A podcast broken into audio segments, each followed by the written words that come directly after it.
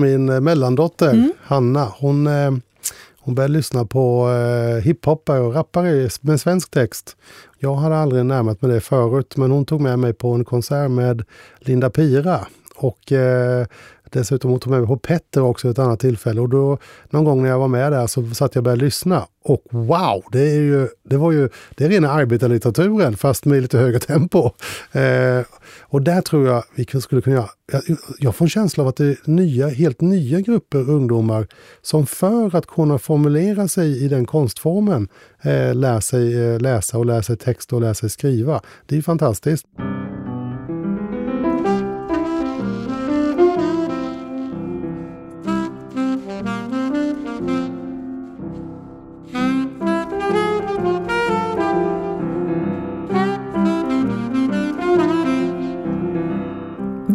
Till podden Läs för livet som ges ut av Kulturrådet. Här samtalar jag, Ann-Marie Körling, läsambassadör om läsning och litteratur. Till dagens samtal har jag bjudit in Karl Petter Thorvaldsson, ordförande i LO.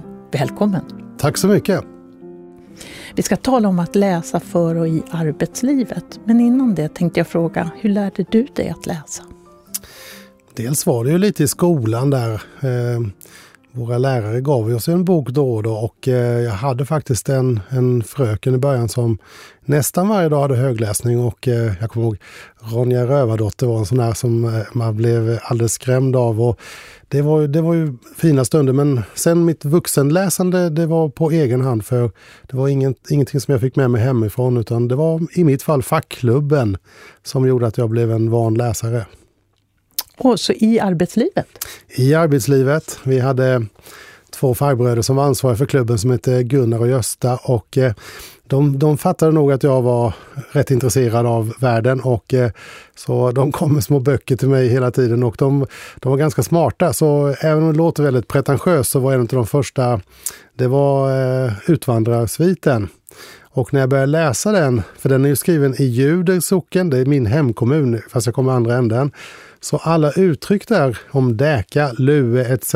Det var en del av mitt språk, så jag trodde den var skriven faktiskt till mig. Så att det var en, det var en väldigt, väldigt bra start. Eh, det var ju svårt i början, men så småningom blev jag en van läsare. Vad, vad tror du att det betydde att de, liksom att de fanns där och gav dig den där boken? Jag tror att det betyder mycket. Vi hade faktiskt varje fackklubbsmöte ända tills jag slutade och säkert efter mig också 1990. Så på våra möten så hade vi alltid ett boklotteri. Eh, och även om många av mina arbetskamrater metallarbetarna tyckte att det var nitlotter så de tog sina böcker och eh, de läste sina böcker så att eh, det gav ju ett fokus på boken varenda gång vi träffades. Mm, vad fint! För jag tänkte på arbetslivet och läsandet i förhållande unga som, som väljer yrkesutbildningar eller som Ja, hur, hur ser det ut? Vad behöver man kunna läsa när man arbetar? Ja, mer och mer. Ehm, vi har ett problem. Det är väldigt, väldigt stor skillnad mellan, mellan män och kvinnor. Kvinnor har ett läsande också bland LO-medlemmar och skriver också rätt så mycket bland våra kvinnliga medlemmar. Männen de är eh, svårare att få. Det är faktiskt i, bland industriarbetare ungefär 6 av 10 som aldrig läser böcker, den här allra sista decilerna som ju är tungjobbade. Och i arbetslivet då så är det väldigt mycket mer skriftlig information. Man måste klara en instruktion som är skriven. Man måste ibland klara den på engelska för att kunna ställa in sin maskin. Och eh, inte minst i vården idag med allt fler som har eh, Alzheimers så är ju klart språk och språkinlärning oerhört viktigt för att kommunicera. Så det betyder mer och mer, men tyvärr når vi inte ut med läsfrämjandet till, till männen. Tyvärr inte.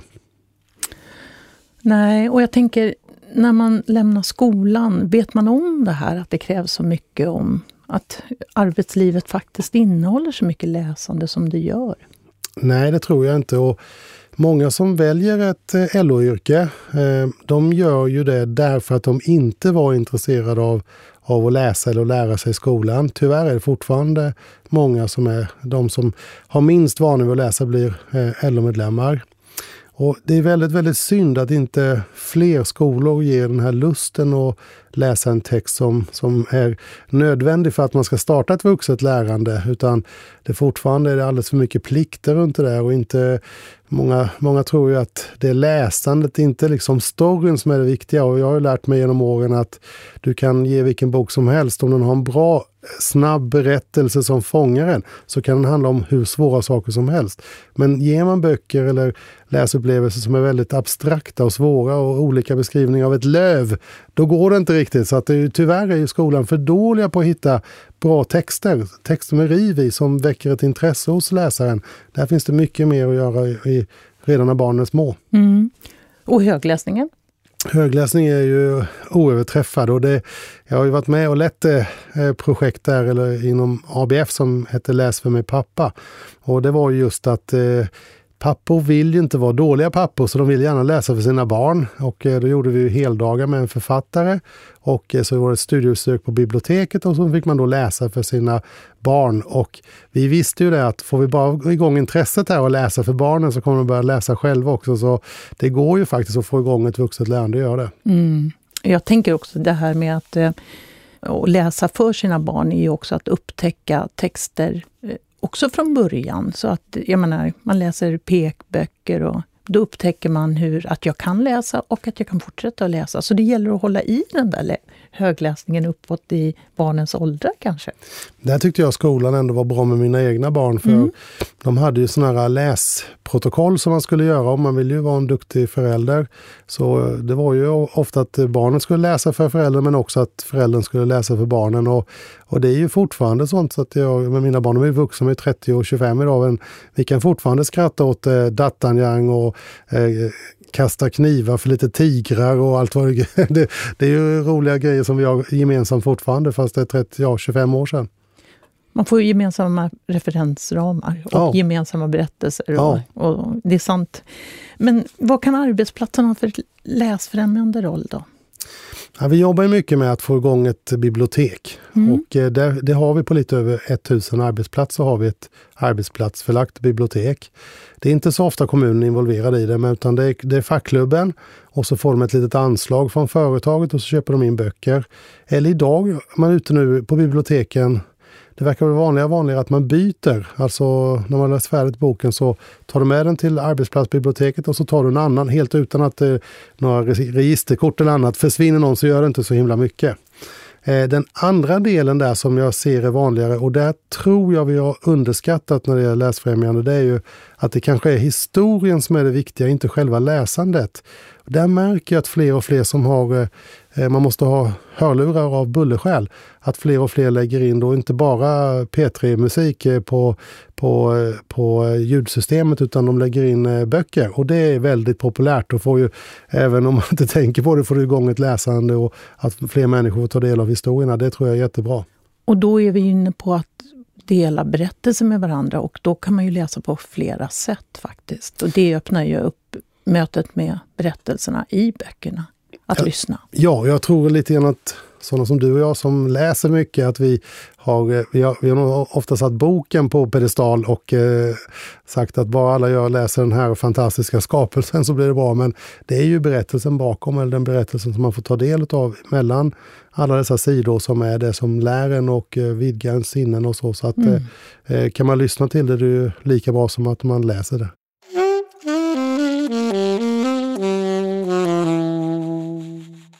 Men om man inte kan läsa då, alls. Och eh, det är ganska många som inte kommer in på gymnasiet. Att det, mm, hur ska man göra när man får sitt arbete? Och vad, vad innebär det att inte... När ska man få den där chansen att lära sig läsa och upptäcka vad böcker är då? Nej, jag tror här har man ett stort ansvar. Det är som jag sa innan, redan i skolan. Det går ju att läsa en bok och, och, och känna att det är driv i den. Och det tror jag är A och O för att få till ett, ett eh, vuxet eh, läsande. Det är att historien du har framför dig eh, drivs av Eh, det som står där så att man blir nyfiken vad står på nästa sida. Inte så mycket reflektion och eftertanke utan mer rakt på. Det tror jag är en nyckel.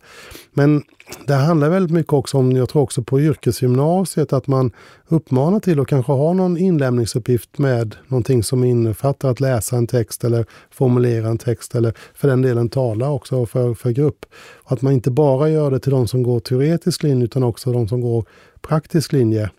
Eh, och jag tror faktiskt att fortfarande att barn kan vara en nyckel ett nyckeltillfälle i livet när man kan få fler pappor att vilja läsa för sina barn och därmed själva också bli läsare i framtiden.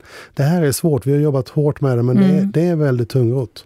Och det, det jag tänker är ju de unga som växer upp som kanske har gått färdigt skolan och som upplever att jag, jag har aldrig läst en hel bok, jag tycker inte om att läsa, jag vet inte riktigt vad det är och sen upptäcker man att när man kommer ut i yrkeslivet så krävs det ganska mycket läsning av sånt som man kanske inte heller är jätteinsatt i, men som ändå har ihop med ens arbete, som krävs. Så vad kan litteraturen göra för, för det, i det sammanhanget? Det, må, det, måste ändå finnas någon lust med läsandet. Jag tror att det måste ändå bygga på att det här är, det här är kul det är, det är, inte en del av mitt lönesystem utan det här är någonting som jag, som jag kommer få må mycket bättre av. Eh, ibland när man gjort sådana försök så har man till exempel tagit eh, hjälp av tidskrifter och sånt som ligger nära medlemmens intressen. Eh, Alltifrån ja, jakt, fiske, bygga, växter, allt vad det kan vara. Och det har man ju fått många att börja ett läsande. Sen är det en faktor som jag tror vi underskattar. Det är att många LO-familjer idag inte har en daglig tidning. För det var ju ändå det kanske viktigaste läsfrämjandet när jag växte upp, att det låg alltid en Kronobergare där och pappa och mamma läste den framifrån och jag läste den bakifrån och så småningom möttes vi på sporten. Men det, det är att inte den finns. Det var några eh, språkpedagoger som sa att eh, det viktigaste läsfrämjande projektet i modern tid var tidningen Metro. Jag vet inte om du såg den, du åkte tunnelbana eller bussar runt om i landet. Det var ändå 20 minuter läsande på väg till jobbet. Tyvärr togs den nu snabbt över av av paddor och eh, läsplattor eller telefoner. Så att den tiden den var bred var ju ganska kort. Men eh, att försöka få folk att läsa en text är oerhört viktigt och för att klara livet idag. Mm. Varför läser vi inte då? För det är väl inte bara paddorna och texterna? Nej, li, lite tror jag det var för att om man hade lite svårt att hänga med. Jag är själv lite ordblind. Eh, jag måste titta två gånger på orden, jag har inte det automatiskt. Så när vi fick ändå en bok i skolan, eh, flera hundra sidor, så var det ibland nästan omöjligt att, att, ta till sig att man skulle kunna läsa. Så man fuskade och läste baksidan och hoppades på ett under när man skulle ha prov, att man ändå kunde förklara vad det handlar om. Eh, så det måste redan tidigt där in mycket, mycket mer läsande. Högläsning i klassrummen, att barnen själva får, får läsa. Och sen när man kommer upp på gymnasiet, fortsätta nöta det här dagliga läsandet. Eh, det är ju ingenting som hindrar att man i svenska språket också på gymnasiet har en inlämningsuppgift ibland att läsa. Men som sagt, sen måste det drivas av, av lusten. Eh, Sen, vad, vad, är, vad är läslust då? För dig, ja, vad är för, det? För mig är läslust det att eh, klockan är tio över tolv. Jag vet att jag borde sova men jag kan inte sluta läsa. Då vet jag att jag har hittat en bok som jag, som jag drivs av nyfikenhet. Jag började läsa så jag var inne i det här, man ska inte föraktfullt säga, men jag var inne i det här deckarträsket under en period på, på 1980, början av 90-talet. Så till slut bestämde jag faktiskt för mig själv att eh, jag läser varannan bok av lust och varannan bok av bildning. Eh, och det har funkat för mig väldigt, väldigt bra. Så att det, nu dessutom, ju, ser, ju längre fram det har gått, så mycket av de här bildningsböckerna jag väljer ut har blivit lika lustfyllda som, som de som bara har en bra berättelse eller bra driv. Då tänker jag, är det det är ju ett slags på... Alltså du tar en roll, att du ska tvinga dig själv att läsa någonting. Jag har prövat att göra det också, vilket är väldigt intressant, för jag studerar alla de här motstånden. Som, varför, varför öppnar sig inte boken riktigt som jag vill? Och sen efter ett tag så gör den faktiskt ja, det. Ja, jag tycker också samma erfarenhet. Så då tänker jag att, att pröva, det låter ju som ett väldigt eh, pedagogiskt anslag, att eh, en bok av lust och en bok av liksom, ett annat arbete som krävs av en koncentration och vilja. Och, att, vill, att upptäcka att man vill läsa. Ja, alltså, jag vet jag hittade en bok, det finns en, en historiker som heter Montefiore och jag var väl skeptisk när det hette Röde patriarken och handlade om eh, Josef Stalin och hans första år innan han kom till makten. Den valde jag då utav bildning, där behöver man kunna lite mer om tyckte jag. Och eh, sen fastnade jag fullständigt i det där, den genren av, eh, av historia. Och det, det, är faktiskt författare som väldigt ofta hittar ett driv i också en rak historia om, om, om ett skeende. Och naturligtvis kan man få till mycket mer sånt, är det ju jätte, jättebra. Men jag tycker inte man ska lägga det som plikt på den som är ovan läsare, utan Eh, hitta historier med bra driv så kommer många fler att läsa. Ja, och då tänker jag kanske att eh, den där boken som man den här bildningsboken som du talar om, om vi skulle använda det begreppet, den kanske man kan introducera genom att högläsa och prata om boken. För att, så att man, den blir tillgänglig för elever som kanske inte skulle välja att läsa den. Men sen så tänker jag också på utbud, utbudet, alltså att veta någonting om ett bokbestånd och hur mycket böcker det finns och skolningen inne i bibliotek och sådär. Vad har det för betydelse? Jo, det, även om det har blivit mycket, mycket bättre. Idag är ju böckerna mycket enkla att komma över. En gång i tiden när svenska starten startade Litteraturfrämjandet och En bok för alla, då fanns det inga pocketböcker och det, är ju, det, det var så tidigt 80-tal. Eh, och då var ju böcker någonting väldigt dyrt och kostade ju en bok lika mycket som den gör idag faktiskt. Så det var ju en investering på den tiden att komma över en, en bok om man inte gick till bibblan. Eh, idag finns ju boken lättillgänglig och eh, går att köpa på Pressbyrån när du ska ut och åka tåg. Och glädjande, vi läser ju som aldrig förr. Eh, texter finns ju överallt så att läsfrämjandet hos de breda grupperna går väldigt bra. Men min utmaning som LO-ordförande är ju hur i tusan ska jag få med mig de här lite mer tystlåtna eh, herrarna i den här fantastiska upplevelsen. Och idag är ju så mycket beroende av text. Eh, vi har ju uttrycket fake news nu till exempel. Det är klart att om du bara följer ett eh, Twitterflöde eller en Facebookflöde, då är ju risken väldigt, väldigt stor att du kan bli manipulerad av alla dessa texter och intryck och videoklipp och sånt som läggs ut. Och har du då inte en träning i att skilja rätt från fel och en, en kritiskt förhållningssätt till texter så är ju riskerna också ganska stora. Donald Trump eh, kör ju med detta hela tiden. Han, mm. hittar på vad som helst. Mm. Just det här att eh, kunna gå till ett faktainnehåll och granska och ställa sig kritisk. Men jag tänkte, jag tänkte på de unga killar som jag har träffat som inte är de öppnar inte böckerna frivilligt, och, eh, men är intresserade av språket och ordförrådet. Och då tänker jag så här, det är ju världens ingång. Att liksom ord och skapa mening kring det. Har du någon tanke om det? Ja, jag har fått det av min mellandotter mm. Hanna. Hon, eh, hon började lyssna på eh, hiphopare och rappare med svensk text. Jag hade aldrig närmat mig det förut, men hon tog med mig på en konsert med Linda Pira. Och eh, Dessutom hon tog med mig på Petter också ett annat tillfälle och då någon gång när jag var med där så satt jag och började lyssna. Och wow, det, är ju, det var ju det är rena arbetarlitteraturen fast med lite högre tempo. Eh, och där tror jag vi skulle kunna göra, jag, jag får en känsla av att det är nya, helt nya grupper ungdomar som för att kunna formulera sig i den konstformen eh, lär sig eh, läsa och lär sig text och lär sig skriva. Det är fantastiskt.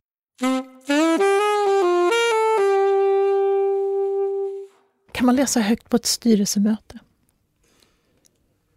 Nej, jag tror inte man kan det. Jag skulle, jag skulle gärna vilja säga att ja, det kan man, men eh, om jag kom in på LO-styrelsen och högläste det här, jag tror att, jag tror att, eh, att de skulle värja sig mot det. Eh, vi pratar ju väldigt mycket och eh, facket är ju en talande organisation. Ehm, vi kan skicka ut hur många PN som helst. Det händer ändå ingenting. Men åker vi runt på lite turné och snackar med folk, då går det ganska bra. Så att eh, det talade berättandet är ju enormt stort i facket, men, men inte så mycket det skrivna kanske. Om man vill läsa högt här då? Kan du tänka dig att läsa högt? Ja, det kan jag göra. Med de brister jag har som högläsare kan jag göra det. det jag gillar att läsa. Ja. Jag brukar be eh, att man läser ett stycke och jag eh, har valt Astrid Lindgrens Ett stycke ur En lever Emil i Lönneberga för att Astrid Lindgren utmanar liksom, oss att tänka att inte för, för, på förhand döma ut barnet utan se till möjligheterna. Och jag tycker att Och det vi talar om när det gäller läsfrämjande är så mycket att se till möjligheterna och inte döma bort, utan att inkludera. Och att ge alla en chans att möta litteratur om och om igen och aldrig ge upp den chansen. Så då utmanar jag dig att läsa detta stycke. Det är ju extra roligt. Det här är ju bara ungefär 10 mil ifrån eh, där jag själv har växt upp, i Kosta i Småland. Jag gör ett försök då. I hela Lönneberga, i hela Småland och hela Sverige och vem vet, kanske i hela världen har det nog aldrig funnits en unge som gjort fler hyss än Emil. Han som bodde i Katthult i Lönneberga socken i Småland en gång för länge sedan. Att den pojken kunde bli ordförande i kommunalnämnden när han blev stor, det hör till underverken. Men ordförande blev han minsann och den finaste karln i hela Lönneberga. Tänk, där ser man att de allra värsta små barn kan växa upp och bli riktigt bra med tiden. Det tycker jag är skönt att tänka på. Tycker inte du det med? Jo, för du har väl också gjort en del hyss också kan jag tro. Ja, så inte det. Kunde jag ta så fel? Tack. Fantastisk. Fantastisk berättelse. ja. Tack så jättemycket för denna högläsning och med det avslutar vi det här samtalet om att läsa på arbetsplatsen. Tack för att du kom hit Karl Petter Thorvaldsson. Tack så mycket, kul att vara med.